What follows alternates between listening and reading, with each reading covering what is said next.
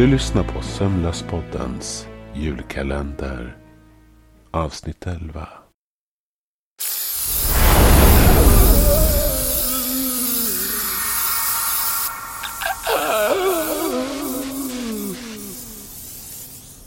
Snögubbarnas plågade skrik blev allt högre.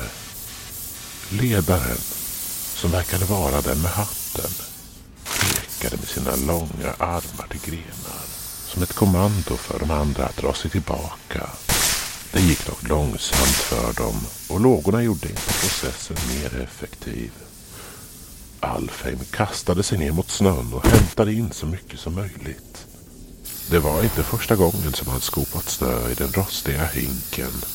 Det hade han även gjort till Edgars städning. Och de använde även hinken för att spola i toaletterna. Bara tanken på att spola efter Krampus fick Alfheim att rygga tillbaka. Det luktade som om någonting hade gått och dött efter varje toalettbesök.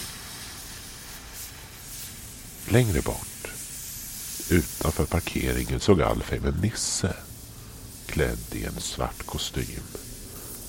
Hans mörka hår var välvårdat och snaggat vid sidorna. Alfheim hade själv sett slipsen som nissen bar och funderat på att köpa den flera gånger på Nisses klädesbutik.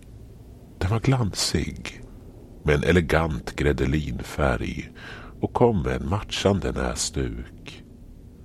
I sin högra hand bar nissen en säck med morötter som han planterade djupt ner i snön. Du Nisse, sluta med det där. sa Alfheim till honom. Överraskad över att bli påkommen så började den stilfulle nissen att kuta in i skogen. Fortfarande hållandes i säcken med morötter. Spring efter honom Alfheim! Du är snabbare än mig. Dessutom så njuter jag alldeles för mycket av att se lågorna komma ut från den där magiska burken.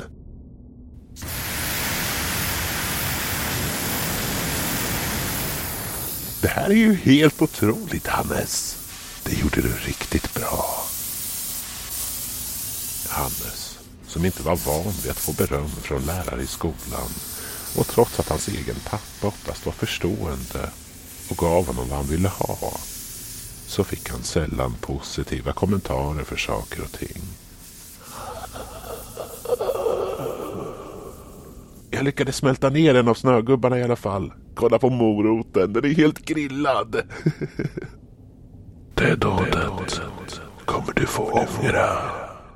Sa snögubben med hög hatt. Som precis hade lyckats fly undan eldkastaren. Vilket var tur. Eftersom hela burken snart var slut. Och de då skulle vara helt försvarslösa. Snögubben i hög hatt gled isär till tre delar. Fem andra soldater följde exemplet.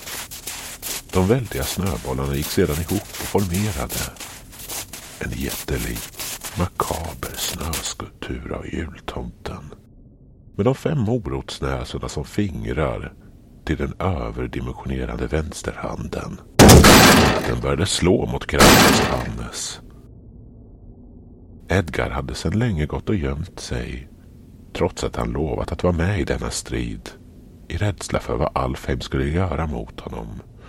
Han låg under skrivbordet och skakade och försökte fundera ut bästa möjliga flyktväg. Som gjorde att han kunde undvika snögubbarna. Som han sett från fönstren. Och nu visste var verkliga. Men ingenting förvånade honom längre.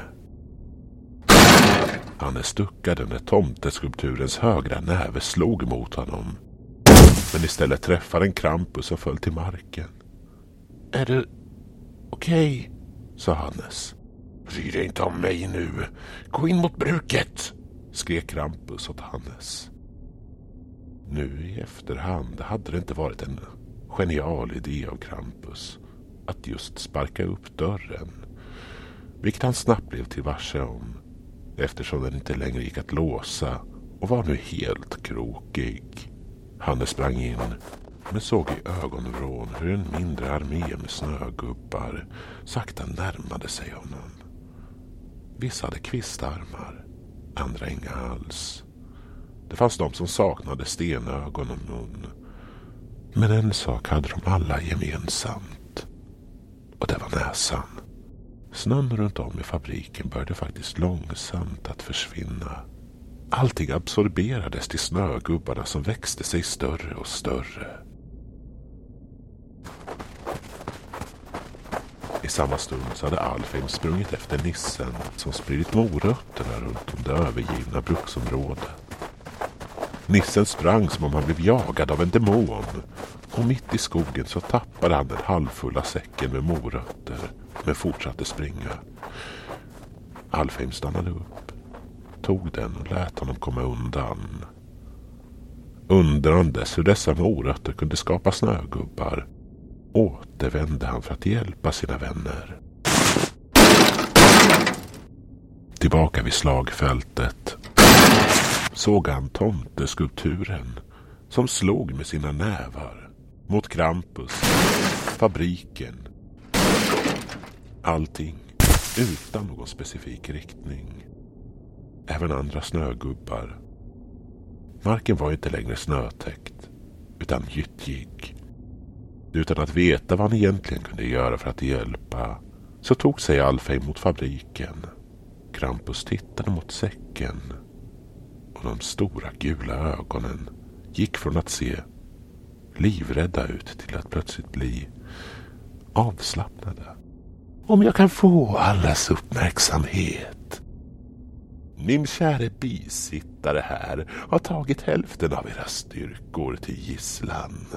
Om ni inte retirerar så kommer vi ha en god måltid med kokta morötter. Eller hackade. Vad säger du om grillade Alfheim? Själv föredrar jag dem rivna. Friterade i olja. Ni är ju sinnessjuka, sa en snögubbe med polismössa. Vi har inget val, vi retirerar, sa den stora tomten. Hur vet vi att ni drar tillbaka och inte fortsätter kriga när ni väl har fått säcken? Ni kan alltid lita på specialstyrkans ord. Frågan är, kan vi lita på ditt? Mördar-Nisse. Sa nissen som stod svettig längre bort i skogen och fortfarande kippade efter andan. Den gredelinfärgade slipsen var uppknuten och han vilade den på sin nacke.